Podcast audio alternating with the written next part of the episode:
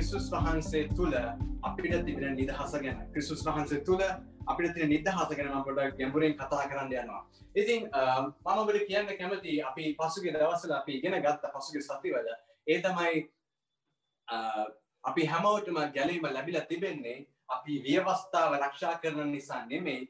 මම දේ වචනේ පෞතුමා කිව්වා අපිට ගැලීම ලැබිල තියෙන අපි ජේසුස් වහන්සේ කෙරේ අදහගන්න නිසා තමයි අපිට ගැලීම ලැබිල තියෙන්නේ. ඉති අපට ගැලීම ලැබුණ අපේ ව්‍යවස්ථාව ඒක ඉෂ්ට කරන නිසා නෙමේ අපි යේසුස් වහන්සේ අපේ ගැලුම් කරහා ස්වාමීන් වහන්සේදයට අදහගත්ත නිසා. ඉතින් පාවල්තුමාට මේ ගලාති පොත්තට ගලාති යවුම් පත්‍ර යවට යවන්න සිදුනා මොකද ඒ යුදෙව් සමහර ගුරුවරයි උගන්නන්න ගත්තා ගලාතියේ. මේ යේසුස් වහන්සේ ගැලීම ලබන් ඕන්න ඒස් දෙවියන් වහන්ස ඔගොලො පිළිගන්න ඕන්න ඕගොල්ලෝ ඒසුස් වහන්සේට අදහල මදි ඔගොල්ල චර්මච්ඡේදනය කරන්න ඕන මෝසස්ගේ ව්‍යවස්ථාව පිළිපදින්න ඕන එතකොට අපිට ගැලවීම හම්බෙන්නේ කියලා. හැබැයි පාවුතුමා කිව්වා නෑ. ඔබට ගැලවීම හම්බෙන්නේ ජේසුස් වහන්සේ ඔබ වෙනුවෙන් කරපු පූජාව නිසා. ඉතින් උන්වහන්සේ ඔබ පිළිගන්නේ ජේසුස් වහන්සේ කුරුසයක මැරිලා ඔබ වෙනුවෙන් ජීවිතේ පුද දුන්න නිසා කියලා කිව්වා. ඉතින් අපි දන්නවා මේ ගැලවීම නිසා ජේසුස් වහන්සේ අපිව දෙවියන් වහන්සේක උන්වහන්සේ දරුකමට අපි අරගෙන තියෙනවා. ඉතින් අපි මේ වෙලාවේ අද බලන්න යනවා ගලාති පොතේ මේ නිදහස ගැන අද අපි ගැඹුරෙන් බලන්න යනවා. නිදහස ගැන ගැලුම් ගැඹුරෙන් බලන්න මේ සුභාරංචි අපිට හම්බ වුණේ මොන වගේ දෙයක්ද කියලා අපි වැඩි දුරක් අපි බලන්න යනවා. ඉතින් අපි පිළිගමු ගලාති පොතේ පස්වෙනි පරිච්ඡේදයට ගලාති පොතේ පස්වෙනි පරිච්ඡේදයට මම අද මුළු පරීක්ෂණ අපි කියවන්න යන්නේ ඒත් අපි යම් යම් ස්ථානවලින් කොටසේ අපි සමහර කොටස් අරගෙන අපි කියවන්ට යනවා. ඉතින් මේ වෙලාවේ පවතුමාට දැන් මේ පස්වෙනි පරිච්ඡේදයෙන් ඔහුට කියව ඔහුට කියන්න අවශ්‍ය වුණා ඒ තමයි ඔහුට කියන්න සිදුනා ඔබට දැන් ගැලවීම හම්බුනේ දෙවියන් වහන්සේගේ අනුග්‍රහයෙන් යේසුස් වහන්සේ පිළිගත්ත නිසා දැන් ඔහුට කියන්න සිදුනා දැන් ඒකින්ද දැන් ඔබ ව්‍යවස්ථාව අනුගමනය කරපු නිසා නෙමෙයි ඔබට ගැලීම හම්බුනේ. හැබැයි පාවුල්ම දැන් කියන්න පටන් ගත්තා මොකද්ද? දැන් එහෙම ගැලීම ඔබට අනුග්‍රහය උන්වහන්සේ කරුණා නිසා ලැබුණා. පාවුල්ම කියන ගත්තා ඔබට එහෙම ආවට ගියාට Tamanට හිතුණු විදිහට ජීවත් වෙන්න බෑ කියලා. ඔහු ගන්නන්න පටන් ඔහු මේ කොටසේ කියන්නේ යන්නේ ඒකයි. ඉතින් ඔබ දන්නවද අපිට යේසුස් වහන්සේ තුල අපි හැම කෙනෙක්ටම නිදහස කියලා දෙකක් දෙයක් දීලා තියෙනවා. අපි පස් ගලාටි පොතේ පස්වෙනි පරිච්ඡේදයේ පළවෙනි පදයට ගියෝ. එතන කියනවා මොකක්ද කියන්නේ? ගලාටි පොතේ පස්වෙනි පරිච්ඡේදයේ පළවෙනි පදය. එතන මොකක්ද කියන්නේ? ක්‍රිස්තුස් වහන්සේ අපේ මුදාගත්තේ නිදහස්කම ඇතුව සිටීමටය. එබැවින් දාසකම නැමැති විය ගහකට නැවත අසු නොවේ ස්ථීරව ස්ථීරව සිටින්න. හරිද? දැන් පෞල්තුමා කියනවා ජේසුස් වහන්සේ අපිව නිදහස් කරා නැතම් මුදාගත්තා. අපි උන්වහන්සේ මුදාගත්තේ නිදහස්ව ජීවත්වෙන පිණිස. හරිද? පෞද්මගෙන උන්වහන්සේ අපි හැම කෙනෙක්ටම නිදහස් කරලා තිබෙනවා. ඔබ කීදනෙක් විශ්වාස කරනවාද ජේසුස් වහන්සේ අද ඔබ නිදහස් කරලා තිබෙනවා කියලා? නැත ඔබ තාම හිතාගින්නවද මම තාමත් පරණ විදියටම ජීවත්වෙනවා තාමත් මම නිදහස් වෙලා නෑ ගැලවිලා නෑ මම තාමත් අර දෙවියන් වහන්සේ යම් යම් දේවල් මම කරන්න ඕන උන්වහන්සේ මම පිළිගන්න ඕන කියලා කී දෙනෙක් හිම ජීවත් වෙනවද? හැබැයි පවුල්ම මෙතන අද කියනවා ඔබ හැම කෙනෙක්ම යේසුස් වහන්සේ මුදවගෙන තිබෙනවා කියලා. හරිද? ඉතින් මුදවගෙන තිබිලා ඒ විතරක් නෙමෙයි උන්වහන්සේ කිව්වා දාසකම නැමැති වියගහෙන් අපි උන්වහන්සේ මුදවගෙන තියෙනවා. දැන් තවදුරටත් අපි යම් යම් දේවල් වලට අපි වහල්ලු නෙමෙයි. ආමෙන්. ඔබ වහලෙක් නෙමෙයි. ඔබ ඇබ්බැහි කමට ඔබ වහලෙක් නෙමෙයි. ඔබ විවිධ සමාජයේ දේවල්ලට ඔබ වහලෙක් නෙමෙයි. දේවයේසුස් වහන්සේ උන්වහන්සේ කුරුස පූජාත් එක්ක උන්වහන්සේ ඔබව මුදවගෙන තිබෙනවා. ඔබ අනිත් එක්ක නන්නේ කියන්නේ ඔබේ පවුලේ අනිත් එක්ක නන්නේ කියන්නේ ඔබ වහලෙක් නෙමෙයි කියලා කියන්න. ඔබ වහලෙක් නෙමෙයි. ආමෙන්. ඉතින් අපි අද බලන්න යනවා. ඉතින් අපි වහලෙක් නෙමෙයි නම් අපි නිදහස ඇතුව ජීවත් වෙන්න ඕන. කොහොමද අපි සැබෑ ලෙසම නිදහස්කමින් ජීවත් වෙන්නේ කියලා. අපි දන්නවා අපි නිදහස යේසුස් වහන්සේ ඔබ කැඳවලා තිබෙන්නේ නිදහස් ජීවිතයක් ගත කරන්න. විය ගහක් ඒ ඒ ඔය වියවස්ථාවේ වියගහෙන් මිදිලා උන්වහන්සේ කැමැත් ඔබ නිදහස් ජීවිතයක් ගත කරන එක. පාපේ වියගහෙන් ගැලවිලා උන්වහන්සේ කැමැත් ඔබ නිදහස් ජීවිතයක් ගත කරන එක. ආමෙන්. ඉතින් අපි මේ වෙලාව බලමු. අපි කෙල්ල ගමු. අපි කියමු ගලාති පොතේ පස්වෙනි පරිච්ඡේද 13 සිට 15 දක්වා. අපි බලනවා සැබෑ නිදහස කොහොමද අපිට එන්නේ යන්නේ. පවුල්තුමා පහේ එක කිව්වා. දෙවි යේසුස් වහන්සේ ඔබ මුදාගෙන තිබෙනවා. ඉති උන්වහන්සේ කැමැත්ත තමයි ඔබ නිදහස ජීවත් වෙන. ඔබ දැන් පවුල්තුමා කිව්වේ. දැන් අද බලන්න යනවා අපි කොහොමද නිදහස්ව ජීවත් වෙන්න යන්නේ කියලා. මන්ද පවුල්තුමා ඇයි මේක උට මේ ගලාතියයට කිව්වේ යේසුස් වහන්සේ මනුෂ්‍යයන්ට නිදහස දීලත් හරිද මේ ගලාතිය මනුෂ්‍යයන් තාමත් අර බැඳුම්වල අර පාපයේ අර ව්‍යවස්ථාවේ ඒ විය ගහේ ඔවුන් ජීවත් වෙන්න පටන් ගත්තා. ඉතින් ඒකයි පවුල්තුමා කිව්වේ යේසුස් වහන්සේ ඕගොල්ලන්ට දුන්නේ නිදහසක්. ඉතින් ආයෝගොල්ලෝ ඇයි ඒ වහල් කමට යන්නේ? අපි හැමෝම සමහර අය කැමති තාම වහල්ලු වගේ ජීවත් වෙන්න. වහල්ලු තමයි. හැබැයි යේසුස් වහන්සේ අපි කිසිම දෙයකට වහල්ලු නෙමෙයි උන්වහන්සේ අපිට නිදහස දීලා තිබෙනවා. ආමෙන්. ඉතින් බලමු. ගලාති පොතේ පස්වෙනි පරිච්ඡේදය 13 සිට පහළව දක්වා මොකක්ද කියන්නේ කියලා අපි කියවමු. දැන් මෙතන කියනවා මක් නිසාද සහෝදරයනි නුඹලා නිදහස්කමට කැඳවනු ලැබුවෝය. එතන කියනවා ඔබව නිදහස්කමට කැඳවලා තියෙනවා.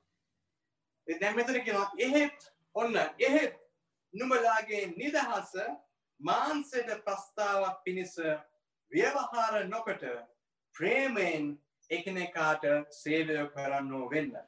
මක්නිසාද නුමට මෙන් නුඹේ අසල්වැසියට ප්‍රේම කරන්න යන එක වාක්‍යයෙන් මුළු විවස්ථාව සම්පූර්ණ වේ. නමුත් නුඹලා එකිනෙකා විකා කන්න වුණා. හරිද? නුඹලා එකිනෙකාගෙන් විනාශ නොවන හැටියට බලාගන්න. දැන් මෙතන කියනවා පාවතුමා කියනවා අපිව කැඳවලා තිබෙන්නේ නිදහසේ ජීවත් වෙන්න. අපි බලන්න යනවා කොහොමද අපි මේ ජේසුස් වහන්සේ දුන්න සැබෑ නිදහස අත්පත් කරගන්න කිය. ඔබ මේ දේශනාව අවසනවනට පස්සේ ඔබ දැනගන්න යනවා. ඒසුස් වහන්ස තුළ සැබෑ නිදහස අත්දකින මෙමයි කිය. ඉතිය බලමු. ඔබ දන්න මෙතන කියනවා මෙතන කතා කරනවා අපි හැමෝම නිදහස්කමට කැඳවල තියෙනවා හැබැයි මේ මාන්සය කියන එක ධාතුනේ පදය කියනවා අපිට මේ නිදහස්කමට බාධාව ගෙනවා කියලා. අපි හැමෝම නිදහස්කමට කැඳවලා තියෙනවා. හැබැයි මේ මාංශය කියන එක මොනවද? බාධාවක් වෙන්න පුළුවන් කියලා. කොහොමද කියන්නේ? ඔබ දන්නවද ඔබ යේසුස් වහන්සේ පිළිගත්තට පස්සේ හරිද? දෙක කොරින්ති 5:17 කියනවා අපි හැමෝම යේසුස් වහන්සේ පිළිගත් දවසේ අපි නව මැවිල්ලක් වෙනවා කියලා. ඒ කියන්නේ ශුදා වහන්සේ අපි තුළට පැමිණවා උන්වහන්සේ අපි තුළ ජීවත් වෙනවා අපේ ඇතුළන්ත මනුෂ්‍යයා අලුත් වෙනවා. ආමෙන් ඉතින් අලුත් දෙයක් අපේ ජීවිතේ යේසුස් වහන්සේ පිළිගත්තට පස්සේ හටගන්න. දැන් ඒකත් එක්ක වෙන දෙයක් තමයි ඔන්න දැන් ශුදා වහන්සේගේ ආත්මය දැන් අපිත් එක්ක ජීවත් වෙනවා. හැබැයි අනිත් පැත්තෙන් ප්‍රශ්න මොකක්ද මේ මාංශය කියන එක අනිත් පැත්තෙන් අපිට බාධාක් වෙන්න පටන් ගන්නවා. හරිද? මාන්සය කියල කියන්නේ අපේ පාපිෂ්ට ස්වභාවය. ජේසුස් වහන්සේ අප ගලවලත් තිබෙනවා සහෝදරය සහෝදරිය. උන්වහන්සට සදා කල ජීවන තිබල දීලත් තිබෙනවා. හැබැයි අපේ පාපිෂ්ට ස්වභාවය කියන එක තාමත් ඔබ තුළ මම තුළ මේක තිබෙන. ඔබ තුළ මම තුළ සමහරය කියනවා ඇයි මේ සමාන යේසුස් වහන්සේ පිළිගත්තට පස්සේ තාම ඒගොල්ලන්ගේ ජීවත් වෙන තාම ඒගොල්ලන්ගේ ජීවිත වෙනස් වෙලා නැහැ කියලා සමහර අය කියනවා. ඇයි අර මනුස්සයාගේ ජීවිතය තාම යේසුස් වහන්සේ පිළිගෙන තාම ජීවිතේ එහෙමමයි කියලා වෙනසක් නැහැ. තාමත් ඒ පෞකාරයම කියලා සමහර අය කියන මට ඇහිලා තිබෙනවා. හැබැයි ඔබ දන්නවද? ඒක ඔබ අද ඔබ උත්තරේ ලබා ගන්න. මොකද ශුදා මහන්සිය අපි තුල ජීවත් වෙනවා. ආත්ම මහන්සිය අපි තුල ජීවත් වෙනවා. ඒ වගේම අපේ පාපිෂ්ඨ ස්වභාවය මාංශය කියන එකත් අපි තුල තිබෙනවා. මාන්සික ක්‍රියා කියන එක පාපේ ස්වභා පාපිෂ ස්වභාවය තාම අපි තුළ තිබෙන. හරිද? අයි බලනවා සැබෑ නිදහස කොහොමද අත්දකින්න යන්නේ කියලා. දැන් බයිබලේ කියනවා මාංශය කියනකොට බයිබලේ මෙන්න මෙහෙම සඳහන් කරනවා. බයිබලේ කියනවා මාන්සය කියලා කියන්නේ රෝම අටේ අට කියලා කියනවා පෙල්ලන්ට අවශ්‍ය නැහැ. ඔබ ලියාගන්න. රෝම අට අටේ කියනවා මානසික මනුෂ්‍යයට කවදාවත් දෙවියන් වහන්සේව සතුටු කරන්න බෑ. මාන්සයෙන් කවදාවත් දෙවියන් සතුටු කරන්න බෑ. හරි. රෝම 7:18 කියනවා රෝම 7:18 කියනවා මාන්සය තුල කිසිම යහපත් දෙයක් නැහැ. කියලා ඊට පස්සේ රෝම සමන පිලිපි පොතේ තුනේ තුන කියනවා කවදාවත් තමන්ගේ මාන්සය කෙරෙහි ස්තිර මාන්සය කෙරේ විශ්වාස කරන්න එපා කියලා බයිබලයේ කියනවා. රෝම පිලිපි තුනේ තුන. ඊට පස්සේ රෝම 13 14 කියනවා කවදාවත් ඔබේ මාන්සයට ඉඩ දෙන්න එපා. ඔබේ ඉඩ දෙන්න ඉඩ දෙන්න. ඒකේ තියෙන ඒක ඒක තව තවත් දවසින් දවස ශක්තිමත් වෙනවා කියලා. රෝම 13 14 කියන කවදාවත් ඔබේ මාන්සයට ඉඩ දෙන්න එපා කියලා. ඉතින් මතක තියන්න ඔබ යේසුස් වහන්සේ පිළිගත්තත් ඔබ ඔබ තුල සටනක් තිබෙන්න යනවා ආත්මික සටනක් හැමදාම තිබෙනවා සහෝදර සහෝදරි. ඒක තමයි ශුදාම් වහන්සේ තුල ගමන් කරන ආත්මික ජීවිතය සහ ඔබගේ මානසිකත්වය. ශුදාම් වහන්සේ ඔබ මේ පැත් ඔබ කියන මේ පැත්තට අදිනවා. ඔබගේ මාන්සය මේ පැත්තට අදිනවා. හරිද? ඉතින් ආත්මයෙන් තවම විස්තර කරොත් ඉතින් මේ අතර ඔබගේ ජීවිතය සහ මගේ ජීවිතේ මේ සටන හැමදාම තිබෙනවා. මොකද්ද? මාංශේ මාංශයත් ආත්මයත් අතර සටනක් තිබෙනවා. ඔබට කියන්න බෑ මට හිමයක් නැහැ කියලා. ඔබට මේක තියෙනවා. ඔබ තවදුරටත් දැනගන්න මොකද්ද මම මේ කියන්නේ කියලා. ජෝන් මැක්ආර්ත් කියලා එක දේවදාසෙක් හිටියා. එයා කියනවා එයා විස්තර කරලා කියනවා මොකද්ද මේ මාංශය කියලා කියන්නේ කියලා. මම කියන්නේ මොකද්ද මාංශය කියලා කියන මෙතන ඔව් සඳහන් කරන්නේ. ඔබ කරන හැම ක්‍රියාවම ඔබ කරන හැම වැරදි ක්‍රියාවක්ම ඔබ ප්‍රකාශ කරන හැම වැරදි වචනයක්ම ඔබ තුල තිබෙන හැම වැරදි අදහසක්ම නපුරු අදහසක් වේවා. ඔබ ඔබ ප්‍රතිචාර දක්වන නපුරු නැත්තම් වැරදි ප්‍රතිචාරයක් වේවා. ඔබ තුල තියෙන නපුරු හැඟීම් වේවා. ඔබ තුළ තියෙන නපුරු නැත්තම් වැරදි ආකල්ප වේවා ඔබ තුළ තිබෙන බියගම් බියගුළු ගතිය. කොයි වෙලෙත් බයෙන් ජීවත් මේ ඒ බියගුළු ගතිය. ඒ වගේම අපේ ඉංග්‍රීසියෙන් කියනවා ඇන්සයිටි කියලා. කොයි වෙලෙත් මොනවාද ඇන්සයිටි කියලා කියන්නේ කොහෙත් මේ කොහෙත් කොහෙත් සැකයෙන් බයෙන් තමයි ඔබ ජීවත් වෙන්නේ. කොහෙත් අනාගතය ගැන ස්ථිර කමක් නැහැ. කොහෙත් බයෙන් ජීවත් වෙන්නේ. හරිද? ඉතින් ඒ වගේම ඔබගේ මොනාද තව තියන්නේ? ඔබට ඔබ ඔබ ඔබට තියෙන ඒ වැරදි සම්බන්ධතා. හරිද? නපුරු සම්බන්ධතා වෙන්න පුළුවන්. හරිද? එතකොට ඔබට තියෙන ඔබ ඔබගේ පවුලේ සහෝදර සහෝදරියත් එක්ක ඔබට ගැටලු තියෙනවා නම් ඔබට එකට එක යන්න බැරි නම් හරිද? ඔවුන් එක සම්බන්ධ වෙන්න බැරි නම් ඔබගේ සහෝදර සහෝදරියත් එක්ක හරියට සම්බන්ධ වෙන්න බැරි නම් ගැටලු තියෙනවා නම් හරිද? ඔය ඒ පුද්ගලයා කියනවා මේවා තමයි මානසික ක්‍රියා කියලා හරිද? මාන්සේ ක්‍රියා. හරිද? ඇයි අපිට උඩෝකම කියලකක් තියන්නේ? ඔබ හිතනවා ඔබ තමයි හරි කියලා. අනිත් ඔක්කොම වැරදි. හරි? එතකොට ඔබ කරන වැරදි ක්‍රියා. මේ මොනවද? මේ ඔක්කොම මාන්සේ කාරණ. හරිද? හැමදාම ඔබට සටනක් තියෙන සහෝදරය සහෝදරිය. ආත්ම වහන්සේ සුදා වහන්සේ ඔබට කියනවා බොරු කියන්න එපා කියලා. හැබැයි මේ මාන්සය කියනවා එක පාරක් කිව්වට කමක් නැහැ කියලා. හරිද? ඔබගේ ඔබට ඔබේ කට නලියනවා. අර අනිත් කෙනාට හොඳ දෙකක් කට කැඩ හොඳ හොඳ දෙක හොඳයි කතා කරයට කියන්න. හැබැයි සුදා මහන්සිය කියනවා එපා කියලා. ඔබගේ මාන්සය කියනවා මෙයාට හොඳ දෙකක් කියන්න තියෙනවා නම් මගේ කට නේද? ආ කියලා ඔබ කියන්න පුළුවන්. මොකද්ද? මානසික ක්‍රියා. හරිද?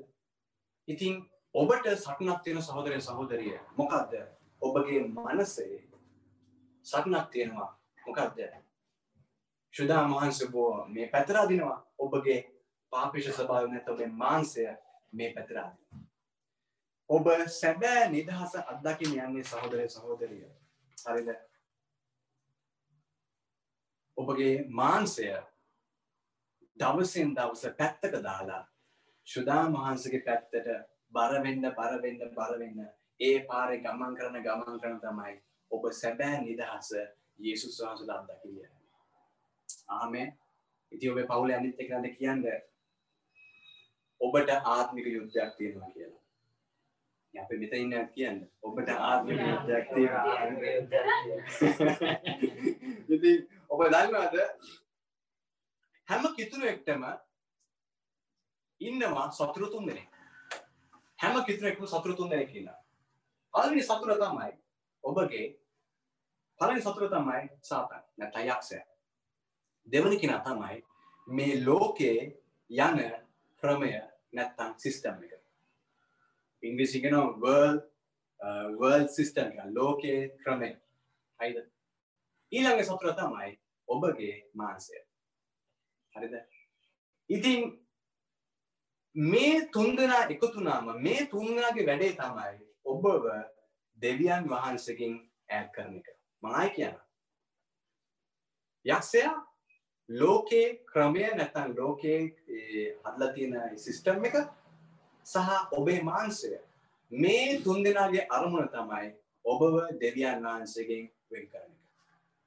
පාවතුම මෙතන මේ පස්වෙනි පරීක්ෂයේදී විශේෂයෙන්ම අවධානය දෙන්නේ අපේ මාංශය ගැන. සැබෑ නිදහස කියලා කියන්නේ ඔබට නිදහස දීලා තියෙනවා කියලා කියන්නේ ඔබව පාපයෙන් ඔබව නිදහස් කළා තියෙනවා කියන එකයි. දේ යේසුස් වහන්සේ ඔබට දුන්න නිදහස පව් කරන්න නිදහසක් ඔබට දුන්නේ නැහැ. උන්වහන්සේ ඔබට දුන්න නිදහස දුන්නේ පාපයෙන් ඔබ නිදහස් කරන්න. ආමෙන් ලොකු වෙනසක්. ඔබට පව් කරන්න නිදහසක් නෙමෙයි උන්වහන්සේ දුන්නේ. නැත්තම් පව් කරන්න ලයිසන් එකක් නෙමෙයි දුන්නේ. උන්වහන්සේ ඔබනේ පුරුෂක මැරුණේ. ඔබට ගැලවීම දුන්නේ පාපෙන් ඔබ නිදහස් කරන්න. ඉතින් මේ වෙලාවේ පාවල්තුම කියනවා අපි 14 15 52 බැලුවොත් උන්වහන්සේ මාන්සයෙන් ඔබ නිදහස් වෙලා උන්වහන්සේ ඔබ කැඳවලා තින මොකටද මාන්සයෙන් නිදහස් වෙලා මනුෂ්‍යයන්ට නැත්තම් අනිත් අයට ප්‍රේම කරන්න. දෙවියන් වහන්සේට ප්‍රේම කරන්න ඔබේ අසල්වැසින සේවයට ප්‍රේම කරන්න. මාන්සයේ විරුද්ධ දේ තමයි ප්‍රේමය. ආමෙන්. මාන්සයේ විරුද්ධ දේ තමයි ප්‍රේමය. ඇයි ඔබ සේවය කරන්නේ? ඔබ දෙවියන් ප්‍රේම කරන නිසා. ඇයි ඔබ බොරු කියන්නේ? ඔබ මාන්සය කියනවා අනේ මාන්සිල්ල මට මේ වෙලාවේ හොඳුවන් දෙකක් කියන්න තියෙනවා නම් අරයට. ඔබේ මාන්සේ ඔබට කියන මොනාද ඔබ මොනාද ඔබට ඔබ ඩික්මට යම මදහස් දාන ඔබේ ඔළුවට. වැරදි ආකල්ප දාන ඇයි මං අරයට මොකද ගරු කරන්න ඕනේ? එයා කවුද? මම කවුද එයාට මං ගරු කරන්න ඕනේ මොනවාද ආකල්ප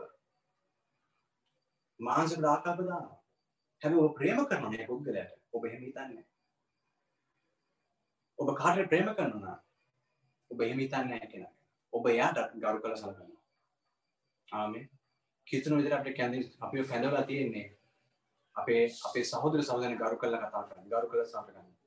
අපි ඒගොල්ලන්ව පහද දාන්නට කතා කරන්න. ඉතින් මේ වෙලාවේ කැඳවන ස්වාමීන් වහන්සේ මොකටද? මානසික ජීවිතය අපි හැමෝම පැත්තට දාන්න අවශ්‍යයි. ඔබ හිතන්නේ ඔබ ගැලීම ලැබුණාට පස්සේ දැන් ඔබට මානසික ජීවිත ඔබ දැන් මානසික කියලා එකක් නැහැ. ඔබ දැන් බොරු කියන්නේ යන්නේ නැහැ. ඔබට දැන් අර පරීක්ෂා එන්නේ යන්නේ නැහැ. ආයි මොනවාද කුණුහරුප ඔබේ හදවතට එන එකක් නැහැ. ඔබ අය හොරකම් කරන්න හිතන එකක් නැහැ. අරයට හොඳ දෙයක් කියන්න වෙන එකක් නැහැ. මම දැන් අල්ල වතුරක් නිවලා බොන්නේ. එහෙම එකක් නැහැ. සුදාමස් ඔබ තුල හිටියා. මොකද වෙන්නේ යන්නේ? ඔබගේ මානසය ඔබ හැමදාම අර පැත්තට අදින්නේ. බොරු කියන්න. අරයට දෙයක් කියන්න. වාදිනවා. හැබැයි සුදාම මෙතන පාවුල්තුමා කියනවා මාන්සක පැත්ත දාලා මාන්සේ පැත්තක දාලා දෙවියන් වහන්සේ ප්‍රේම කරන්න ඔබේ සහෝදර සහෝදර ප්‍රේම කරන්න. එතකොට මොකද වෙන්නේ යන්නේ? ඔබ එතකොට විවස්ථාව සම්පූර්ණ කරනවා. අපි කොහොමද මේ විවස්ථාව සම්පූර්ණ කරන්නේ සහෝදර සහෝදරිය? අනේ මම කියලා අනේ ස්වාමි මම පිළිගන්න එකක් නෑ ඔබ වහන්සේ මෙහෙම එහෙම නෙවෙයි. අපි විවස්ථාව සම්පූර්ණ කරන්නේ දෙවියන් වහන්සේ ප්‍රේම කළා සහ ඔබේ අසල්වැසියට ප්‍රේම ආමෙන්. එහෙම කරන කෙනාට ඔහු තමයි සැබෑ නිදහස අත්දකින්න යන්නේ යේසුස් වහන්සේ තුළ. ආමෙන්. ඉතින් මේ වෙලාවේ එතන කියනවා අපි හැමෝම දෙවියන් වහන්සේ ප්‍රේම කරන අපේ වගකීමක් තියෙනවා. අපේ අසල්වැසියන්ට ප්‍රේම කරන වගකීමක් තියෙනවා. ඔබ ඔබේ අසල්වැසියල ප්‍රේම කරන්න තමයි අසල්වැසිය කෙනෙක් එහා ගෙදර ඉන්න කෙනා නෙවෙයි. එයාත් ඇතුළත්. අසල්වැසිය කියලා කියන්නේ ඔබ අවටින්න ඔබේ සභාවන්න ඔබට බැරිනම් ඔවුන්ට ප්‍රේම කරන්න. ඔබ නැවත තර පරණ වියවස්සට ගිහිලා තියෙන්නේ. ඔබ නැවත තර විය ගහට ගිහිලා තිබෙන හැබ ඔබ කිතුලෙක්න ඔබට වාක්‍යීමක් තියෙනවා. දෙවියන් වහන්ස ප්‍රේම කරන්න සහ ඔබේ අසැල් වැසියට ප්‍රේම කරන්න ඉතින් අපේ සැබෑ නිදහස් අපි අත්දකින්න යන්නේ පළවෙනි කාරණය දැන් මම කිව්වා මොකද්ද අපි පාපයෙන් සැබෑ නිදහස් අත්දකින්නේ පාපයෙන් මිදිලා අපි අනිත් අයට සහ දෙවියන් වහන්සේ සේවය කරන්න පටන් ගත්තා. ලියා ගන්න එක. ඔබ සැබෑ නිදහස් අත්දකින්න යන්නේ පාපයෙන් මිදිලා දෙවියන් වහන්සේ සහ මනුෂ්‍යයට ප්‍රේම කරන්න පටන් ගත්තා. ආමෙන්. ඉතින් අපි ඊළඟ කාරණාට යනවා. ඒ තමයි ඊළඟ එක තමයි ඊළඟ කාරණා තමයි ගලාති පොතේ පස්වෙනි පරිච්ඡේදයේ 16 සිට 21 දක්වා සහ 24 ඉඳන් 26 ගලාති පොතේ පස්වෙනි පරිච්ඡේදයේ 16 සිට 21 දක්වා සහ 24 ඉඳන් 26 අපි කොහොමද සැබෑ ලෙසම යේසුස් වහන්සේගේ ඒ නිදහස අපි අත්දකින්න යන්නේ? දාසේ නම් අපි කියව මේ වෙලා දාසින විසේක අපි ඉස්සල්ල කියවමු. නමුත් ආත්මන් වහන්සේ කරුණ කොටගෙන හැසිරෙන්න එවිට නුඹලා මාංශයේ තෘෂ්ණා සම්පූර්ණ කරන්න නැතයි කියමි. මක්නිසාද මාංශය ආත්මන් වහන්සේට විරුද්ධවද ආත්මන් වහන්සේ මාංශයට විරුද්ධවද ආශා කරයි. නුඹලා කැමති වන දේ නොකරන ලෙස මොහුන් එකිනෙකාට විරුද්ධ වෙති. නමුත් නුඹලා ආත්මන් වහන්සේ විසින් ගෙනු ලබන්න ඕනම් නුඹලා ව්‍යවස්ථාව යටතේ නොවන්න ඔහුය. ඉදින් මාන්සේ ක්‍රියා ප්‍රකාශව තිබේ. එනම් වෛශ්‍යාකම අපවිත්‍රකම සල්ලාලකම විවාදය ඉර්ෂ්‍යා ක්‍රෝධ පක්ෂවාදිකම් බේද ලබ්ද නබ්දි බේද වෛර වීමක්කම මංගල්‍ය ගෝෂස්ථා තවත් එවැනි දේවල්ය. මෙබඳු දේ කරන්නට දෙවියන් වහන්සේගේ රාජයේ උරුම නොලබෙන බව මම නුඹලාට ප්‍රථම කී ලෙසම දැනුත් කලින් නුඹලාට කියන්නේ. නමුත් ආත්ම වහන්සේගේ පලනම් ප්‍රේමය ප්‍රීතිය සමාධානය ඉවසලිවන්තකම කරුණාවන්තකම යහපත්කම විශ්වාසවන්තකම විශ්වාසකම මෘදුකම තමන් දැන්දේ ක්‍රියා කිරීම යන මේවාය. මෙබඳු දේට විරුද්ධව වියවස්ථාවක් නැත. තවද ක්‍රිස්තුස් වහන්සේට අයිති තැනැත්තෝ මාන්සය එහි ආශාසා තෘෂ්ණා සමග කුරුසියේ ඇනගැසුවෝය අපි ආදන් වහන්සේ කරුණකට ජීවත්වමුණ ආදි වහන්සේ කරුණන හැසිරෙමු. නිෂ්පල පාරට්ටු නොකරමු. එකිනෙකා කෝප නොකරමු එකිනෙකාට ඉරිෂයා නොවෙමු. ඉතින් දැන් මෙතන කියනවා හරිද? මම දැන් කියන්නේ මේකයි. මොකද මම කියන්නේ යන්නේ. අපි සැබෑ නිදහස යේසුස් වහන්සේ ඔබට දුන්න සැබෑ නිදහස ඔබ අත්දකින්න යන්නේ සහෝදරය සහෝදරිය. කොහොමද? ආත්මෙන් වහන්සේ තුල ගමන් කිරීමෙන් පමණයි. මාන්සේ ඔබ ගමන් කරනවා නම් ඔබ ඒ ඔබ දන්නවද යේසුස් වහන්සේ පිළිගෙන ඔබට මාන්සේ ගමන් කරන්න පුළුවන් යම් කාලයක්. නේද? ඒත් ඔබ සැබෑ නිදහස අත්දකින්න යන්නේ ඔබ ශුද්ධාන් වහන්සේ තුළ ගමන් කරොත් විතරයි. ආමෙන්. දැන් පාවුල මෙතන කියනවා ඔබ මොකන්ද කියන්නේ? මෙතන කියනවා ඔබ කරන්න මොකද්ද? ආත්මන් වහන්සේ කරුණ කොටගෙන හැසිරෙන්න. වෙන විදියට කිව්වොත් ආත්ම වහන්සේ එක්ක ගමන් කරන්න. දැන් මොකද මේ ආත්ම වහන්සේ ගමන් කරනවා කියලා කියන්නේ? හරිද? මේක හැමදාම ඔබ කළ යුතු දෙයක්. ඉරිදර විතර කළ හරියන්නේ නැහැ කියන්නේ. හරිද? ඉරිදර විතර කළ හරියන්නේ ඔබ හැමදාම සෞන්දා පටන් ගත්තම ඊළඟ සතියේ සෞන්දා වෙනකම් ඔබ ශුදා වහන්සේත් එක්ක ගමන් කරන්න ඕන. මොකද මේ ශුදාමාසේ ගමන් කරනවා කියලා කියන්නේ නමස්කාර කළ යාඥා කළ අන්‍ය භාෂෙන් කතා කරන එක විතරක්ද? නෑ. ඔබ ශුදා වහන්සේට සංවේදී වෙලා උන්වහන්සේ කියන විදියට ඔබේ ජීවිතය ගෙනියන්න ඕන. සරල උදාහරණයක් මම දෙන්නම්. මොකද්ද? ඔබගේ මානසය ඔබට කියනවා මේක කරන්න ඕන නම් ඔයාලට බොරු කියන්න වෙනවා. ඉතින් මානසය මොකද කියන්නේ? මානසය කියනවා පොඩි බොරුවක් කියන්න කමක් නැහැ හරිද මානසික කෙනකමන්න පොඩි බොරුවන්නේ ඕක කවු දැනගන්න පාස් දැනගන්න යන්න පව් පල්ලිය දැනගන්න යන්න ඔයා විතරයි දන්නේ. මාන්සේ කියනවා. යක්ෂය අනිමේ කියන්නේ හරිද? මාන්සේ ඔබගේ ඇතුලාන්තේ පාපි ස්වභාවය කියන්නේ මොකද්ද? බොරුවක් වර කමන්නේ හැබැයි සුදා මහන්සේ ඔබට අර කොනක ඉඳන් මොකද්ද කියන්නේ? පොඩ්ඩක් තට්ටු කරනවා පොඩ්ඩක් පොඩ්ඩක් අනිනවා. මෙහෙම පොඩ්ඩක් අනිනවා. ෂෙරෝන් කරුණාකරලා බොරු නම් කියන්න එපා කියලා. දැන් ඔබට තීරණය ඇතින මොකක්ද ඔබ දැන් මාන්සේ ගමන් කරනවද? ශුදා වහන්සේගේ ගම් අනුගමනය උන්වහන්සේ අනුගමනය කරනවා. හරි සරල බොරු කිව්ව මොකක්ද වුන්නේ ඔබ මාන්සේ ගමන් කර පටන්න ඔබ ශුදා මාසය ඇහුම්කම් දුන්නොත් ඔබ ආත්මය ගමන් කරන පටන්න ඔන්න දෙවනි දවසේනවා දෙවනි දවස. ඔන්න අඟහරුවාල. අඟහරුව ඔබට එක්කෙනෙක් හොඳ ඇවිල්ලා හුණු හපෙන් බයිනවා හරිද? ඔබ ඉස්සල්ලම එන මේක තමයි. මොකද ඔබ ඉස්සල්ලම එන ප්‍රතිචාර තමයි තරහ ගිහිල්ලා. හරිද? අනිත් එක හොඳ දෙකක් ගිහිල්ලා කියනවා. දැන් ඔබ මානසික නම් හොඳ දෙයක් කියන්නේ. ඔබ සුදා මාංශකට කියනවා. මේල මොකොත් කියන්න එපා ඉවසීමේ කටනම් ඉන්න. මොකක්ද දැන් ඔබ තෝරගන්නේ? මාංශයද? ආත්මයද? ඔබ එදා ඔබ ආත්මය සුදා මාංශ කියන දේ අහලා කටමා හිටියා නම් දෙවනි දවසේ ආත්මයෙන් ගමන් කරනවා. තුන්වෙනි දවසේ නම්. තුන්වෙනි දවසේ ඔබට අවශ්‍ය වෙනවා යම් කිසි දෙයක් ඔබ ව්‍යාපාරට ගිහිල්ලා ඔබට අවශ්‍ය වෙනවා යම් කිසි දෙයක් විකුණ ගන්න. ඔබ විකුණ ගන්න ගියාම ඔබට ඔබ කරන්න මොකක්ද වංචා සහගතව ඔබ ඒක රවට්ටලා ඔබ ඒක විකුණනවා. ඔබේ මානසික කියනවා මම මේක විකුණුවොත් මට හොඳ ගාණක් හම්බ වෙයි කියලා. හැබැයි සුදා මානසික කියනවා මොනවද කියන්නේ? මිතේෂ මේ මිනිස්සු රවට්ටන්න එපා. හරිද? ෂෙරෝන් මේ මනසේ රවට්ටන්න එපා. අවංකව ව්‍යාපාරය කරන්න. ඔබ එදා තුන්වෙනි දවසේ අර බොරු අරක කරා ඒ මනුෂ්‍ය රවට්ටන්න නැතුව ඔබ අවංකව කළා. ඔබ සුදාමාස්ගේ හඬ අහලා යනවා. මෙහෙම ගමන් කරන මනුෂ්‍යයා තමයි සහෝදරය සහෝදරිය ආත්ම වහන්සේ තුල ගමන් කරන මනුෂ්‍යයා කියලා කියන්නේ ඔහු තමයි සැබෑ නිදහස අත්දකින්න යන්නේ. ආමෙන්. හරිද? ආත්මේ ගමන් කරන කියලා කියන්නේ ඒකයි. ඉරිදා විතරක් නෙමෙයි. ඒරිද අපි උනස නමස් කරන යාඥා කරන විතරක් නෙමෙයි. ආත්මයෙන් ගමන් කරනවා කියලා කියන්නේ අත් දෙක උස්සලා නමස්කාර කරන විතරකුත් නෙමෙයි. ආත්මයෙන් ගමන් කරනවා කියලා කියන්නේ යාඥා කරන එක විතරක්ම නෙමෙයි. බයිබලයේ කියවන එක විතරක්ම නෙමෙයි. ඔබේ හැසිරීම. ඔබ කොහොමද එදිනදා ජීවත් වෙන්නේ? ඔබ ජීවත් වෙද්දී ඔබේ හැසිරීමේදී ඔබේ කාගේ හඬ අහලාද ඔබ ජීවත් වෙන්නේ? ඔබේ ඇතුළාන්තයේ මේ මානසික කියන හඬ ඔබ ජීවත් වෙන්නේ? නැත්නම් සුදාන වහන්සේ කියලා ආන්දේ ජීවත් වෙන්නේ. සමහර වෙලාවට අපි මේ ශුදා මාංශය ඕනවට වැඩි අපි ආත්මික කරලා තියෙනවා. මොකද්ද? අපිට විශ්වයට යන්න ඕන ශුදා මාංශේ හඳ අහන්න ඕන.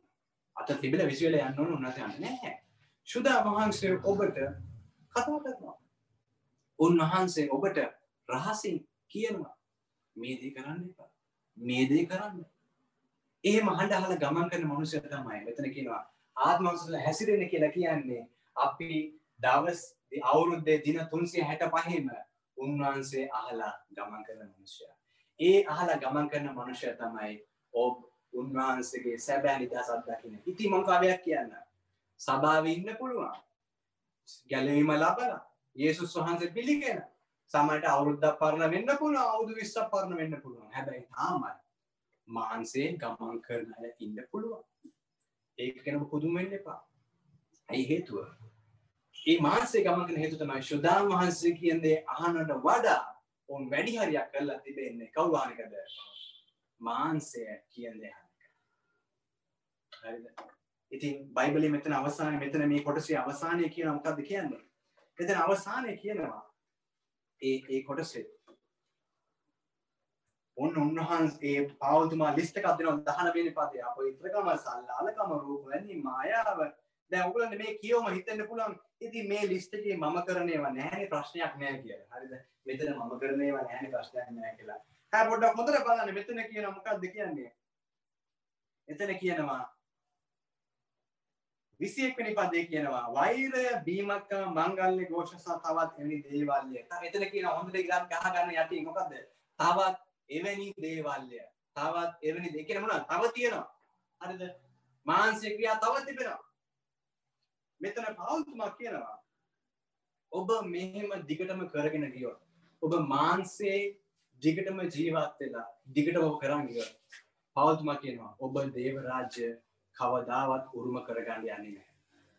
ඇයි සමහර අය වැටෙන්නේ? දේවදාසයෝ වැටෙනවා. සභාවල ඇදහිලිවන්තයෝ වැටෙනවා. ඇයි වැටෙන්නේ? හරි සරලයි. ඔවුන් මාන්සේ ගමන් කරලා දිගටම ගමන් කරලා කරලා කරලා දවසක් එනවා වැටෙන දවසක්. ඉතින් නිදහස ඔවුන්ගේ ඔවුන්ට අහිමි වෙනවා. සහෝදරය සහෝදරයට වගේ වක්කීමක් තියෙනවා. මොකද්ද? අපි ආත්මයෙන් ගමන් කරන්න අවශ්‍යයි. ආත්මයෙන් ගමන් කරනගෙන හැමතිස්සෙම අන්‍ය භාෂාවෙන් කතා කරන එකම නෙමෙයි. ගොඩක් අද වරද වරද්දගෙන ඉන්නවා. මොකද්ද? ඒගොල්ලෝ හිතනවා ගොඩක් හොඳට නමස්කාර කරන අත් දෙක උස්සලා අනිත් අයට පේන හොඳට යාඥා කරාම අයිද? එයා ආත්මිකයි කියලා. ආත්මිකකම කියලා කියන්නේ ඔබට කොච්චර හොඳ නමස්කාර කරන්න පුළුවන්ද කියන එකවත් ඔබට කොච්චර හොඳ යාඥා කරන්න පුළුවන්ද කියන එක නෙමෙයි. ආත්මික මනුස්සයා කියලා කියන්නේ සුදා වහන්සේගේ හඬ අහලා ඒක කරන මනුෂ්‍යයා. ඒ බැලුවම අපිට අමුතු ආත්මිකකම පේන්නේ නැහැ. සාමාන්‍ය මනුෂ්‍යයෙක් යහපත් දේ කරන සුදා වහන්සේගේ හඬ අහලා ජීවත් වෙන මනුෂ්‍යයෙක්. හැබැයි මේ මනුෂ්‍යයා නමස්කාර කරනවා, යාඥා කරනවා, අන්‍ය භාෂාව කතා කරනවා. ගොඩක් අද වෙලා තියෙන්නේ මොකක්ද දන්නවද? අද අන්‍ය භාෂාවෙන් කතා කරනවා. යාඥා කරන හොඳට. නමස්කාරයත් හොඳට කරනවා. හැබැයි චරිතය ගත්තොත් හැසිරීම ගත්තොත් මාන්සේ හැසිරීමක් තමයි තිබෙන්නේ. සුදා මහන්සේගේ හඬ අහලා ගත කරන ජීවිතයක් නැහැ ජීවිතය. ඉතින් ඔබ ධෛර්යමත් කරන මේ උදෑසන මොකද්ද? ඔබට සැබෑ නිදහස අත්දකින්න ඕන නම් සුදා මහන්සේගේ ආත්මේ ගමන් කරන්න. මම ඔබ දන්නවද සමහරට ඔබ යාඥා කරනවා. එක දවසක් මට මතකයි මම යාඥා කළා කිව්වා ස්වාමීනි මම කිව්වා සුදා මහන්සේ සුදාමිනි මා පාවිච්චි කරන්න මනුෂ්‍යම සුව කරන්න. මම කැමති ඔබහන්සගේ ආත්මයෙන් ගමන් කරන මනුස්සක මට ඕන ඔබහන්සගේ ආත්මය ගමන් කරල මගදා යාඥ කර කාමරේලා කායකර කලින් මංගව ස්වාමිනි මට ආත්මයෙන් ගමන් කර මනුස්සය කරනවා ඉති මොකද සාන මට රෝග සුව කරන්න ඕන මට යාඥා කරන හොඳ දේශනා කරන ආලේපේ ගමන් කරන්න කිය සුදා මහන්ස කිව්වා වට ආත්මනය ගමන් කරන්න ඕන. ඉස්සෙල්ල ගිහිල්ලා වගේ භාරයා ගාබ ගිහිල්ලා එයට සමාවෙන කියලා කියල කියන්න. මිදා මෙම දෙයක් කර ඇ සමාවෙන කියල කිය වට ආත්මිනි ගමන් කරන්න ඕන. ඒනම් ඉස්සෙල්ල ගිහිල්ල ඔයා ආත්මය ගමන් කරන කර කියන්නේ. ගිහිල්ලා පුස්සිය තියෙන පිගන්ටික හෝදන්න. ආත්මය ගමන් කරනගෙන මොකක්දේ මගේ වයි සමාන් මත මතක් කරන ම ආස්ම හරි අකම දෙයක්ත්තම පිගම් හොද අයෝ හැමදාම කෑවට පස්සේ ඕකද අමාරු වැඩේ. අපි අපි ද නිතර මේ ගෙදර ඉන්න. මං ඉතින් පුළුවන් තරම් බලනවා මේක මොනාද හරි ගම්මලින වැඩේ. ඒක හැම මන මතක මඥානම ස්වාමීන් මාව පාවිච්ච කරන්න වහන්සේ. ආත්මය ගමන් කරන මනුස්සය කරන්න කියලා. දන්න ශුදමස කිවද ගිහිල්ලා කුස්සියට ගිහිල්ලා ටිකන්ටික හෝදන්න කියලා. කිව මට දුන්න වැඩි මම කරන්න ආත්මයෙන් ගමන් කරනවා කියලා කියන්නේ ශුදා වහන්සේ කියන විදියට ගමන් කරන එක. ඔබට එක පාට ඉස්සලා හාස්කම් කරන සුවයෙන් වෙන ලකුණු වෙන්න ඔබට දෙන්න යන්නේ ශුදා වහන්සේ ඉස්සලා කියන ඉස්සලා ඔබේ කාමරය අස් කරගන්න. ඉස්සලර අර සත්‍යයක් විතර ඒ නාවපු නැති ඒ බෙච්චීට්ක ඉස්සල හොඳ නවලපු නවන්න පුරුදු වෙන්න. ඇයි එහෙම කියන්නේ? ශුදා වහන්සේගේ හඬ අහන මනුස්සය තමයි ආත්මික මනුස්සය. ආමෙන් නැතුව මේ කොච්චර හොඳ නමස්කාර කරන එක නෙමෙයි. නමස්කාර කරන්නේ අපි දුන්න උන්වහන්සේට අනුග්‍රහයෙන් අපි කරන්නේ. අපි උන්වහන්සේ අවස්ථාව දීලා තියෙනවා. උන්වහන්සේගේ අනුග්‍රහයට ඇවිල්ලා උන්වහන්සේ නමස්කාර කරන්න ඒකෙන් කියන්නේ නෑ ඔබ කොච්චර ශුද්ධද කොච්චර ආත්මිකද කියලා. අපිට නමස්කාරක උන්නසේ අවස්ථාවක් දීලා තියෙන උන්නසේ අමුවිල නමස්කාර ඒකෙන් කියන්නේ අපි කොච්චර ආත්මිකද කියලා. ඔබට ආත්මික මනුෂ්‍යෙක් වෙන්න ඕන. සුදා මහන්සේ කියන වැඩ කරන පටන් ඔබට ආත්මික මනුෂ්‍යෙක් වෙන්න ඕන සුදා මහන්සේ කිව්වන කාර්යය කියලා සමාව වෙන්න කියලා කියලා සමාව ඔබට ආත්මික මනුෂ්‍යෙක් වෙන්න ඕන සුදා මහන්සේ කිව්ව මේකේ බොරු කියන්න එපා කියලා බොරු කියන්න ඇත්ත කියන්නේ. ඔබට ආත්මික මනුෂ්‍යෙක් වෙන්න ඕන නම් ඔබේ ඔබගේ වැඩක ඔබ පුරුෂයෙක් විදිර සාම්පුරුෂක් විදිර ඔබට කරන්න වැඩ ඔබ කරන්න. පියෙක් විදිර ඔබ කරන්න වැඩේ කරන්න. එහෙම ඔබ ශුදාමාසගේ හඳ හල කරනකොට ශුදාමාසය ඔබ දවසින් දවසක ස්ථානකට ගිහින් යනවා. තවදුරටත් බලවන්ස පාවිච්චි කරන්න. සැබෑ නිදා සබ් දකින්න එහෙම මගේ සම්ප්‍රය සමට සැබෑ නිදා සබ් දකින්න එහෙම ඉතින් ඒ වගේ මං අවසානය කියන්න කැමති මගේ අන්තිම පොයින්ට එක. එක තමයි. ඊට කලින් මම තව දෙයක් කියන්න කැමතියි. ආත්මිකව ගමන් කරන කියලා කියන්නේ සුදා වහන්සේ ඔබව ගෙනියන. ඔබේ ජීවිතේ තීරණ ගන්නේ ඔබ නෙමෙයි. නැත්නම් ඔබේ මානසය නෙමෙයි. සුදා වහන්සේ. එහෙම මිනිස්සයා ආත්මාර්ථකාමී නැති පරාර්ථකාමී මිනිස්සෙක්. අනිත් අයට ප්‍රේම කරන මිනිස්සෙක්. ආමෙන්. ඉතින් මම ධෛර්යමත් කරනවා. සැබෑ නිදහස අත්දකින්න ඕනේ. ශුදාන් වහන්සේ තුළ ගමන් කරන පුද්ගලෙක් වෙන්න. ශුද්ධ මාංශල ගමන් කරන පුද්ගලෙක් වෙන්න. ඒ වගේම තමයි. එතන මම කියන්න කැමති අන්තිම එක තමයි සැබෑ නිදහස යේසුස් වහන්සේගේ සැබෑ නිදහස අපිට ඵල ගේන්න යනවා. ඵලය ගේන්න යනවා. නැත්නම් ප්‍රතිඵල ඵලය ගේන්න යනවා. හරිද? ශුද්ධ මාංශගේ ඵල ඔබ සැබෑවටම ඔබ යේසුස් වහන්සේගේ නිදහස් නම් ඔබට ශුද්ධ මාංශයේ ඵල ලැබෙන්න යනවා. ආමෙන්. ඔබ දන්නවද? ශුද්ධ මාංශ මට ගන්න පුදයක් තමයි. ඒක තමයි මට කිව්ව දෙයක් තමයි ෂෙරෝන්. ඔය දීමනා තියෙනවනේ ඒ දීමනා හරි හොඳයි. ඒ වෙන්නේ ඔක්කොම මගේ එක හරි. උනාස් කිව්ව දෙයක් තමයි දීමනා කොයි වෙලෙත් තියෙන අනිත් මනුෂ්‍යයන්ට. දීමනා කොයි වෙලෙත් තියෙන අනිත් මනුෂ්‍යයන්ට. සුවකිරීමේ දීමනා තියෙනවනේ ඒක තියෙන අනිත් මනුෂ්‍යයන්ට. අනාගත වාක්‍යයේ දීමනා උන්නස් මට දීලා තියෙනවනේ ඒක දීලා තියෙන අනිත් මනුෂ්‍යයන්ට. ඒ කියන්නේ මා උන්නස් පාවිච්චි කරන අනිත් මනුෂ්‍යයන්ට. ඒක මට නෙමෙයි. ඵල සුදාමස්කදම් ඵල කියනවා ශුද්ධාමාසයේ ඵල දීලා තියෙන්නේ ශරෝන් ඔයාට. අන්තිමට ඔයාට ඉතුරු වෙන්නේ ඔය ඔක්කොම ගියාට පස්සේ ඔන්න ඔය ශුද්ධාමාසයේ ඵල විතරයි. මට කිව්ව දේ තමයි කොච්චර දීමනා තිබ්බත් හාස්කම් කරත් අනාගත වාක්‍ය කිව්වත් තියෙන ඵලය මොකක්ද? ඔය අවුරුදු 10කට කලින් හිටිය පුද්ගලයාම නම් තාමත් ඉන්නේ. අවුරුදු 10කට කලින් හිටිය පුද්ගලයා නම් තාමත් ඉන්නේ. දීමනාවල ඵලය මොකක්ද? මම දකින සැබෑ සාර්ථකත්වය තමයි ඔබ මේ මේ මෙදෙදස් විස්සදී ඔබ මෙහෙම මනුෂ්‍යය හැබ ඔබ දෙදස් තිය වෙදේ අයි හැල්ල බැලුවම ඔබේ ජීවිතයේ උන්වහන්සගේ පල ශිදාවහන්සගේ පලය ඔබ තුළ ඇතිවල තිබන විස්සරට වැඩිය. මීට අවුත් දහැල් කලින් කිසි ඉවසීමක් නැති නායට අහන් නැති තරහ යන මනුස්සේ. හැබැයි දෙදස් තිය වෙදයා හැල්ල බැලුවම මොනාද ශුදාවහන්සගේ පල මොනාවෙලා තින්නේ ඒ පලය ඔබ තුළ ඇති වෙලා දැම ඔබ ඉවසන මනුස්සේ මීට අවුද්ධහයට කලින් කිසි ප්‍රේමයක් නැති මනුස්සේ තමන් ගැන විතර හිතන්නේ. අනිත් අය ගැන පොඩ්ඩක් හිතන්නේ හැබැයි දැන් ඔබ අනිත් අය ගැන හිතන පරාර්ථකාම මනුස්සේ මොකද වෙලා තියෙන්නේ? අන්තිමට ඔබට ඉතුරු වෙන්නේ ඔබ මැරෙන දවසක දවසක ඉතුරු වෙන්න යන්නේ ශුදා මාසගේ පල මමට කියන්න ඒකෙන් කියන්නේ පලේ විතර ඇති කරගන්න මේ දෙක්ම අපිට අවශ්‍යයි. සුදාමාසයට එකක් කරන්න කියලා කිව්වේ නෑ. දීමනා විතරක් හරියන්නේත් නෑ. සුදාසි පළ හරියන්නේ නෑ. දෙකම ඕනකට. මට ඒ දෙකම ඕන ඔබට ඒ දෙකම අවශ්‍යයි. ඉතින් මේ වෙලාවේ මොකද උන්වහන්සේ කිව්වේ? උන්වහන්සේ කිව්වා අපි සැබෑ නිදහස අත්දකින්න අපි ශුදා වහන්සේත් එක්ක ගමන් කරනකොට සහෝදර සහෝදරිය මොකද්ද වෙන්නේ යන්නේ? ඔබ ශුදාන් වහන්සේ තුල ඵලය දරන්න යනවා. මෙතන මේ ග්‍රීක් වලින් අපි මෙතන ශුදා වහන්සේගේ ඵල කියලා කිව්වට මෙතන මේ ග්‍රීක් භාෂාවෙන් කියන්න එතන වචනය තියන්නේ ඒක වචනෙන් තියෙන කෙන ශුද්ධා මාන්සගේ ඵලය. දැ හිතන්න එපා අනේ මට ප්‍රේමය නෑ. හැබැයි මේ කරුණාව තියන්න කියලා. අනේ එහෙම එක අඩුවෙන්නේ නෑ. ඔක්කොම උන්වහන්සේ එකට දීලා තියෙනවා. මේ ඵලය දවසින් දවස හරිද? ටික ටික ටික ටික තමයි ලොකු වෙන්නේ. අපේ ගෙදර මේ දවස් තක්කාලි ගස් ගස් හිටවලා තියෙනවා. හරිද? ඉතින් ඔන්න අපි හැමදාම දකිනවා මොකද්ද මේ ගස්වල? අපිට මතක ඉස්සෙල්ලා පොඩි චූටි ගෙඩියක් තමයි තිබ්බේ. හරිද? ඒ චූටි ගෙඩිය දැන් දවස් ගණන් යද්දි යද්දි ගය ගෙඩිය එන්න එන්න එන්න එන්න. ලොකු වෙනවා. හරිද? ඉතින් දැක්කම මට සතුටුයි. විශේෂයෙන් මට වැඩිය. මගේ වයිෆ්ට සතුටුයි. මම නේද තක්කාලි ගෙඩිය හරිද? මගේ වයිෆ්ට නවක දැක්කම හරි ගේ හැමදාම ගිහලා බලනවා සාත්තු කරනවා ඒවට. හරි? ඉතින් මේ මොකද වෙන්නේ? මේ ඵලය දවසින් දවස ලොකු වෙනවා. ඉතින් හිතන්න එපා. ඉවසීම විතර එකපාරට ලොකු වෙන්නේ නැහැ. මේ ඔක්කොම එක ගෙඩියක් විදිහට ඵලයක් විදිහට සුදා මාසෙකට දීලා තියෙනවා. ඉති ඔබ මේ ගමන් කරද ශ්‍රදා වහන්සේ ගමන් කරද්දී උන්වහන්සේගේ හඬ අහලා ගමන් කරද්දී මොකද වෙන්නේ යන්නේ? මේ ගෙඩිය ටික ටික ටික ටික ලොකු වෙනවා. අන්තිමට මොකද වෙන්නේ යන්නේ? සාමාන්‍ය පාලිය මොකටද පාවිච්චි කරන්නේ? ගෙඩි මොකටද තියෙන්නේ සාමාන්‍ය? ගෙඩි දැකද ගහ ගහ කනවා දැකද ගහ ගෙඩි කනවා දැකද ගෙඩි තියෙන්නේ අනිත් අයට කන්න.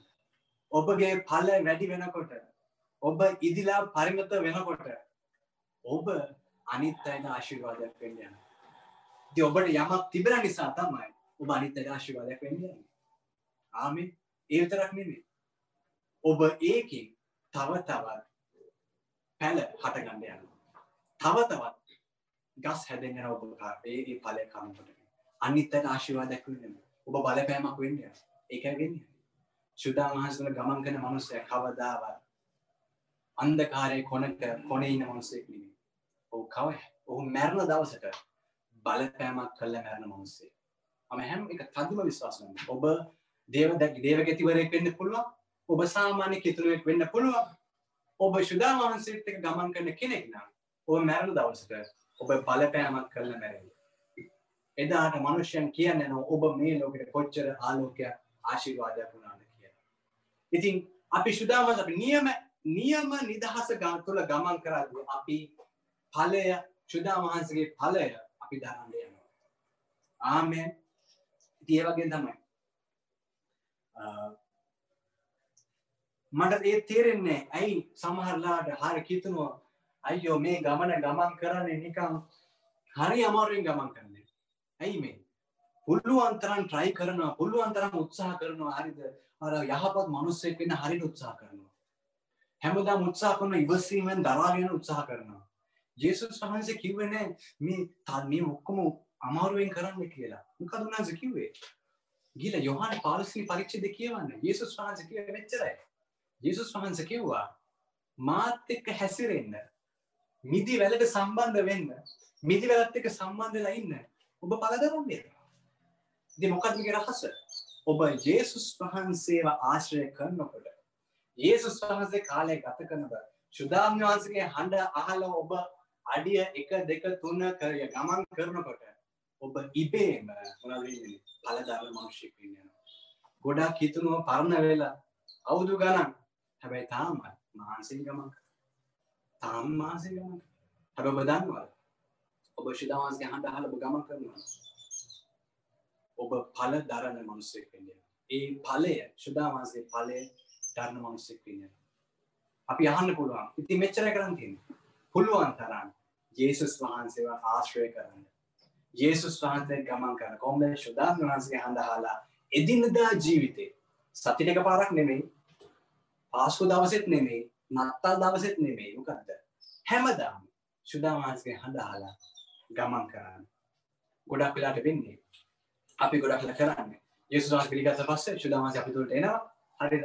ඊට පස්සේ ආවට පස්සේ අපි මුල් ටික හොඳට ගමන් ගත කරනවා. අපි හොඳ ජීවිතයක් ආත්මික ජීවිතයක් ගමන් කරන ශුදාන් වහන්සේගේ හඬ අහලා හරි ප්‍රේමණීය හැබැයි කාලය යද්දි ඒම ගැටලුත් එක්ක ප්‍රශ්නත් එක්ක අපි මොනවද අපි ශුදා වහන්සේව පැත්තක දාලා අපි මානසික දෙනවා. මේ වචනේ ඒකයි කියන්නේ කවදාවත් ශුදා වහන්සේව උන්වහන්සේව උන්වහන්සේ රිද්දන්න එපා. උන්වහන්සේව මොනවාද? උන්වහන්සේ වේදනාවට පත් කරන්න එපා. ඔබ හැමදාම මාංශයෙන් තීරණ ගන්න හැම දවසකම මතකද ශුදා වහන්සේ පුදුල ජීවත් වෙනවා. මාන්සේ තීරණ ගන්න හැම දවස්සකම හැම මොහොතකම ශුදා වහන්සේ රිද්දෙන් යනවා. ශුදා වහන්සේගේ හිත රිදෙන් යනවා ඔබ නිසා. එතකොට මොකද වෙන්නේ? ශුදා වහන්සේ දවසින් දවස මොකද වෙන්නේ යන්නේ? උන්වහන්සේ ශුද්ධ ආත්මයක්. උන්වහන්සේ දන්න මාංශේ මෙයා මෙයා මාංශෙත් දෙකද මෙයා තම තීන තනි තීන තීරණ ගන්න කියලා උන්වහන්සේ ටික ටික ටික ටික ඈත් වෙලා අර ඔබගේ ජීවිතේ කොහෙදෝ කොනකට ගිහිල්ලා දාලා යන්නේ නැහැ. ඒ කොන්ට වෙලා උන්වහන්සේ. ඒක කියන්නේ ශුද්ධ ආමාංශ වල ඉදන්න එපා. ශුද්ධාහන්සේ තලන්න පෙළන්න එපා උන්වහන්සේ පාගන්න එපා කියලා. ඔබට මට වාක්‍ය මතර මේ දෙවියන් වහන්සේගේ ආත්මය කියන විදිහට ජීවත් වෙන්න. ඒ වගේ මට කියන්න කැමතියි. මේක හොඳම උදාහරණය තමයි මට මතක් වෙන්නේ. අපි තේරුම් ගන්නවා අවසන් කරන මත්තේ මම කියන්න කැමතියි. අපේ මනසේ ලොකු ආත්මික යුද්ධයක් යනවා. ඔබ යේසුස් වහන්සේ පිළිගත් ක්‍රිස්ති කිතුනෙක් නම් ඔබගේ මනසේ ආත්මික යුද්ධයක් හැමදාම තිබෙනවා. මොකද්ද මේ? මාන්සය තුළ ගමන් කරනවල් ආත්ම තුළ ගමන් කරනවා ඕක හරිට මේමයි ඔන්න එක සීය කෙනෙ ගිහිල්ලා කතාවක් ඇහවා. කද කිව සිය කිවා සියගේ මේ මුණුබුරා මුණුබුරා සිය කිව මුණුබුරාට ඔබ දන්නවාද? වගේ ජීවිතේ වෘකයෝ දෙන්නෙකින් අපිව වෘකයෝ දන්නවා වෘකයෝ දෙන්න එක වෘකෙක් සුදු පාට. අනිත් වෘකයා කළු පාට. සුදු වෘකයා තමයි යහපත් දේවල් ඔක්කොම කරන්නේ. කළුවෘකයා තමයි නපුරු දේවල් කරන්න. මෙසිය මේ මුණුපුරට කිව්වා ඔයා මේ වෘකයෝ දෙන්නගේ සුදුවෘකයා යහපත් වෘකයා නපුරවෘකයා කළුවෘකයා මේ මුෘකයෝ දෙන්නගේ කාඩද කන්න දෙන්න යන්න? කාඩද කන්න දෙන්න මම සුදුවෘකයා මේ හොඳ වෘකයට මම කන්න දුන්නොත් දවසි දස කවද ශක්තිමත්වෙන් යන්නේ? ඒ සුදුවෘකයා ශක්තිමත්වෙන්ට යන්න එයා තැන් බලවත්වෙන්ට එතකොට ඒ වගේම අනිත් එක්කෙනා මොනවද වෙන්නේ යන්නේ අර කලු නපුරු වෘකයා නරක වෘකයා එයා දවසින් දවස දුර්වල වෙනවා. හැබැයි දවස් ඔබ හැබැයි ඔබ කලු නපුරු ඒ ඒ නරක වෘකයාට හැමදාම ඔබ කන්න දෙන්නේ නැහැ. කොහොමද? ඔබ ගන්න තීරණ වලින්. ඔබ කන්න දෙන්නේ යන්නේ ඒ නපුරු වෘකයා නම් කවුද ශක්තිමත් වෙන්නේ යන්නේ? ඒ සුදු වෘකයා ඔබේ ජීවිතේ දවසින් දවස දුර්වල වෙලා නරක කලු නපුරු වෘකයා දවසින් දවස ශක්තිමත් වෙනවා. කාර්ද වැඩියෙන් බලය හම්බ වෙන්නේ ඒ කලු නපුරු මුර්කයට. අපේ කිතුුණු විදර අපේ හැමදාම තීරණයක් තිබෙනවා. ඔබ ඔබගේ ජීවිතය ඉන්න මේ වෘර්කයෝ දෙන්නගේ. හරිද යහපත සහ නපුර. අයිද සුදුවර්කය සහ කලුවර්කය. ඔබ තීරණය කරන අවශ්‍ය හැමදාම ඔබ කාටද වැඩියෙන් කන්න දෙන්න යන්නේ කියලා. ඔබ කාටද වැඩියෙන් කන්න දෙන්න යන්නේ අපිට බලන්න පුළුවන් මොකක්ද ඔබේ හැසිරීමෙන් ඔබ ජීවිත ගෙනෙන විදියෙන් ඔබ පලධරණ විදිිය බලන්න පුළුවන් ඔබ මොනවෘකයටද ඔබ කන්න දෙන්න කියලා. මගේ යාඥාව තමයි අපි හැමෝම ආත්මයෙන් ගමන් කරන මනුෂ්‍ය වෙන්න ඕන. ආමෙන් ඔබ මම ආත්මයෙන් ගමන් කරනවා සැබෑ නිදහස් අත්දකින්න ඕන නම් පාපයෙන් මිදිලා ප්‍රේමයෙන් කරන්න ඕන සැබෑ නිදහස අත්දකින්න. සැබෑ නිදහස් අත්දකින්න ඕන විශුදා මහසල ගමන් කරන්න. මේ වෙලාවෙදී අපි යාඥා අපි යාඥ අපි කිය මම කියන අපේ යාඥා වෙන්න ඕන. ඵල දරන්න පුළුවන් අපිට උන්වහන්සේත් එක්ක කාලය ගත කරනකොට. මගේ යාඥා අපි යාඥා කරමු වෙලාව අපි කියමු ස්වාමීනි මාව ආත්මයෙන් ගමන් කරන මනුස්සයෙක් කරන්න.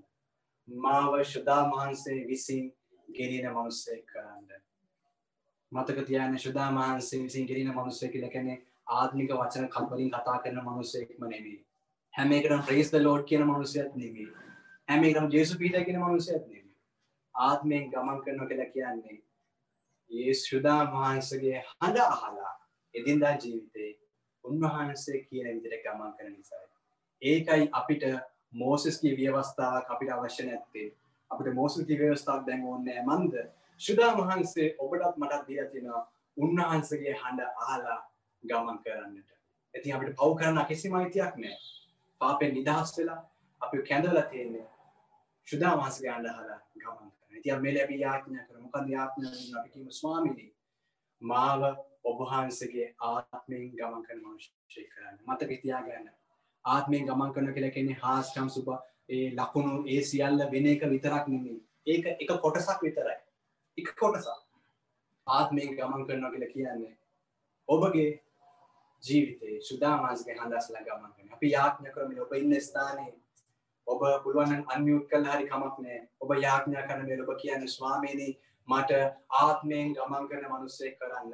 මේ මේ අවුරුද්දේ දින 365ම මම ඔබ වහන්සේගේ හඬ අහලා මම තීරණ ගන්න යනවා. මගේ මාංශය මාව එක එක විදිහට අදිද්දි මම ඒවට එපා බෑ කියලා මම තීරණ ගන්න ඔබ වහන්සේගේ හඬ අහලා මම ගමන් කරන ඔබ යාඥා කරන කියන්නේ ස්වාමීනි මෙන්න මම සිටිනවා මාව ඵලධර්ම මිනිස්සෙක් කරන්න. මාව ආත්මික මිනිස්සෙක් කරන්න. කියන්නේ මම අද තීරණයක් ගන්නවා. කියන්නේ මම දන්නවා ඔබ වහන්සේ මාව ඇවිද්දවන්න යන්නේ නැහැ. මම ඇවිදින්න ඕන. මම අඩිය තියන්න ඕන. මම අඩියෙන් අඩිය යන්න ඕන. සදාවිනේ මම යාඥා කරනවා මේ වෙලාව යේසුස් වහන්සේගේ නාමයෙන්. අපි ගොඩකට බලාගෙන සිටිනවා. ඔබ වහන්සේ අපිව එක්කගෙන යනකම්. ඔබ වහන්සේ අපි උස්සගෙන යනකම් බලාගෙන සිටිනවා ස්වාමීනි. ඒ ඔබ වහන්සේ ඔබ වහන්සේ වචනය කිව්වා. දෙවියන් කියන්නේ අපි අඩියක් තියන්න ඕන අපි ඇවිදින්න ඕන කියලා ඔබ වහන්සේ කිව්වා. දවසෙන් දවස අපි අඩිය තියන්න ඕන කියලා කිව්වා ස්වාමීනි. ඉතින් අපි යාඥා කරන මේ මාම්පිට දේව සභාවේ. අපි හැමෝම ආත්මයෙන් ගමන් කරන ආත්මයෙන් මග ආත්මය සුදාමාන්ත ඇහුම්කම් දෙන උන්වහන්සේට කීකරු වෙන මනුෂ්‍යයන් කරන්න කියලා අපි යාඥා කරනවා ස්වාමීනි. මම යාඥා කරනවා අපේ සභාවේ සොනේ මානසික ක්‍රියාවලට අපි ඉඩ දෙන්න යන්නේ නැහැ යේසුස් වහන්සේගේ නාමයෙන්. මේක ඔබ වහන්සේගේ සභාවේ ස්වාමීනි. මේක ඔබ වහන්සේ විසින් අත්දකපු සභාවේ ස්වාමීනි කියන්නේ අද දවසේ අපි පුද්ගලිකව අපි තීරණයක් ගන්නවා. එදිනදා ජීවිතයේ ඔබ වහන්සේගේ හඬ අහලා ගමන් කරන ස්වාමීනි ඔබ වහන්සේ කියන දේ අහලා ගමන් කරන විට අපි දන්නවා ඒ ව්‍යවස්ථාව අපි සම්පූර්ණ කරනවා කියලා ස්වාමීනි අපි මෝසගේ ව්‍යවස්ථාව පිළිපදින්න ඕනේ නැහැ. ඒත් අපි ඔබ වහන්සේගේ හඬ අහලා ගමන් කරන අපි ව්‍යවස්ථාව සම්පූර්ණ කරනවා ස්වාමීනි පියාණනි අද දවසේ අපි උපකාර කළ මැනව ඔබ වහන්සේ ප්‍රේම කරන්න අනි මනුෂ්‍යන ප්‍රේම කරන්න අද අපි තීරණයක් ගන්න දෙවි සංවිධානය අපි තීරණයක් ගන්නවා ස්වාමීනි ඔබ වහන්සේ තුළ ගමන් කරන්න අපි තීරණයක් ගන්නවා ස්වාමීනි පියන අපට දස උපකාර කරන මේ සැබෑ නිදහස අපිට අත්දකින්න ඔබහන්ස ප්‍රපකාර කළ මැනව. යේසුස් වහන්සේගෙන අපි ස්තුති කරමු ස්වාමීන් වහන්සේට හalleluya ප්‍රශංසා වේවා අපි වහන්සේට අපි ගෞරව කරන ස්තුතිවන්ත වෙන දෙවි සමිදාන ප්‍රශංසා කරන ඔබ වහන්සේට ස්වාමීනි ඔබ වහන්සේගේ නාමයට ස්තුතිවන්ත වෙන ශ්ලාඝනය මේ වෙලාවේ ඔබ වහන්සේ සෑම නිවසකම මේ ඔබ වහන්සේ යන්න සෑම හදවතම වාසේ අත ගසන්න ස්වාමීනි කියන්නේ අපි ස්වාමී ඔබ වහන්සේගේ හඬ අසලා ජීවත් වෙන ගමන් කරන මිනිස්සුયો දැන් ඔබ වහන්සේ කරන්න කියලා මම යාඥා කරනවා. දැන් ඔබ වහන්සේ කරන්න කියලා අපි යාඥා කියන්නේ අපේ මානවික දේව සභාවේ අය ජීවනයේ මනුෂ්‍යයන් වෙන්න ඕන. ඕන් සනේ පරදරන මනුෂ්‍යයන් වෙන්න ඕන. ඕන් එකිනෙකාට ප්‍රේම කරන මනුෂ්‍යයන් වෙන්න ඕන. ඕන් දෙවියන් වහන්සේ ප්‍රේම කරන මනුෂ්‍යයන් වෙන්න ඕන. ඒ සියල්ලත් එක්ක ආත්මන වහන්සේ තුල ගමන් කරන මනුෂ්‍යයෙක් කරන්න කියලා අපි යාඥා කරනවා ස්වාමීනි. යේසුස් වහන්සේ